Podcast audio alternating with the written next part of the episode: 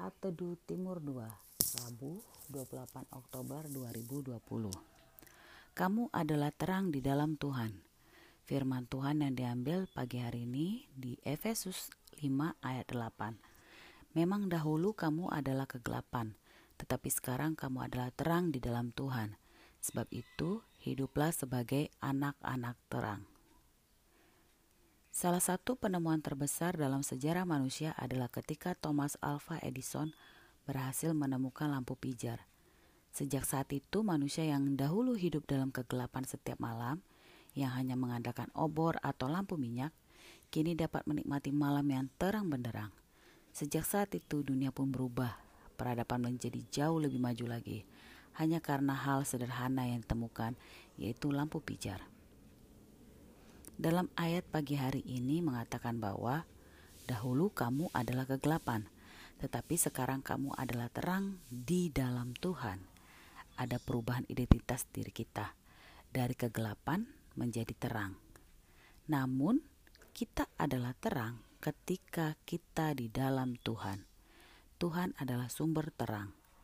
Jadi, yang mengubahkan status kita, yang mengubahkan hidup kita, siapa diri kita adalah ketika kita di dalam Tuhan. Jika kita hubungkan dalam Matius 5 ayat 14 sampai 16, firman ini mengatakan kamu adalah terang dunia. Beberapa kebenaran mengenai terang. Yang pertama, diibaratkan kota yang terletak di atas gunung. Ini menggambarkan bahwa kehidupan kita akan menjadi sorotan dan diperhatikan. So, kita harus memiliki hidup yang menjadi teladan bagi orang-orang di sekitar kita. Karena sesuatu yang berada di atas akan lebih mudah dilihat. Yang kedua, terang tidak mungkin tersembunyi. Hal ini digambarkan seperti orang yang menya yang tidak menyalakan pelita lalu meletakkan di bawah gantang, melainkan di atas kaki Dian sehingga menerangi semua orang di dalam rumah itu.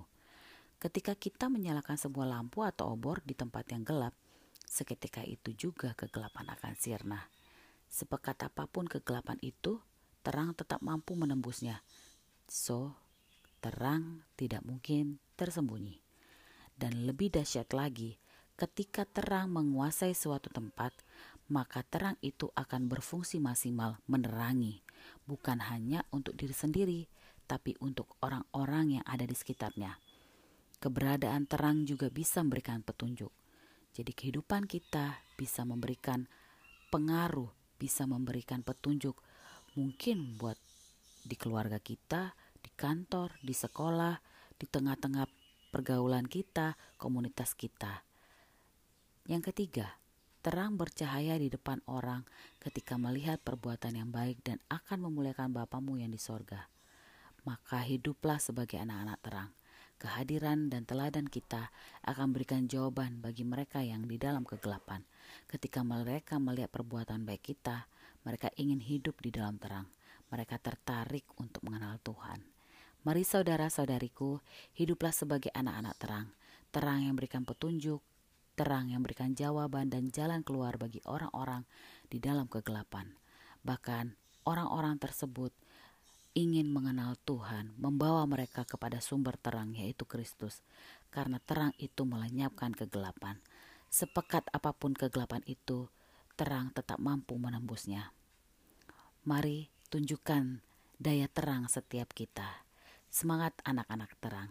Selamat menikmati hari baru. Tuhan Yesus memberkati.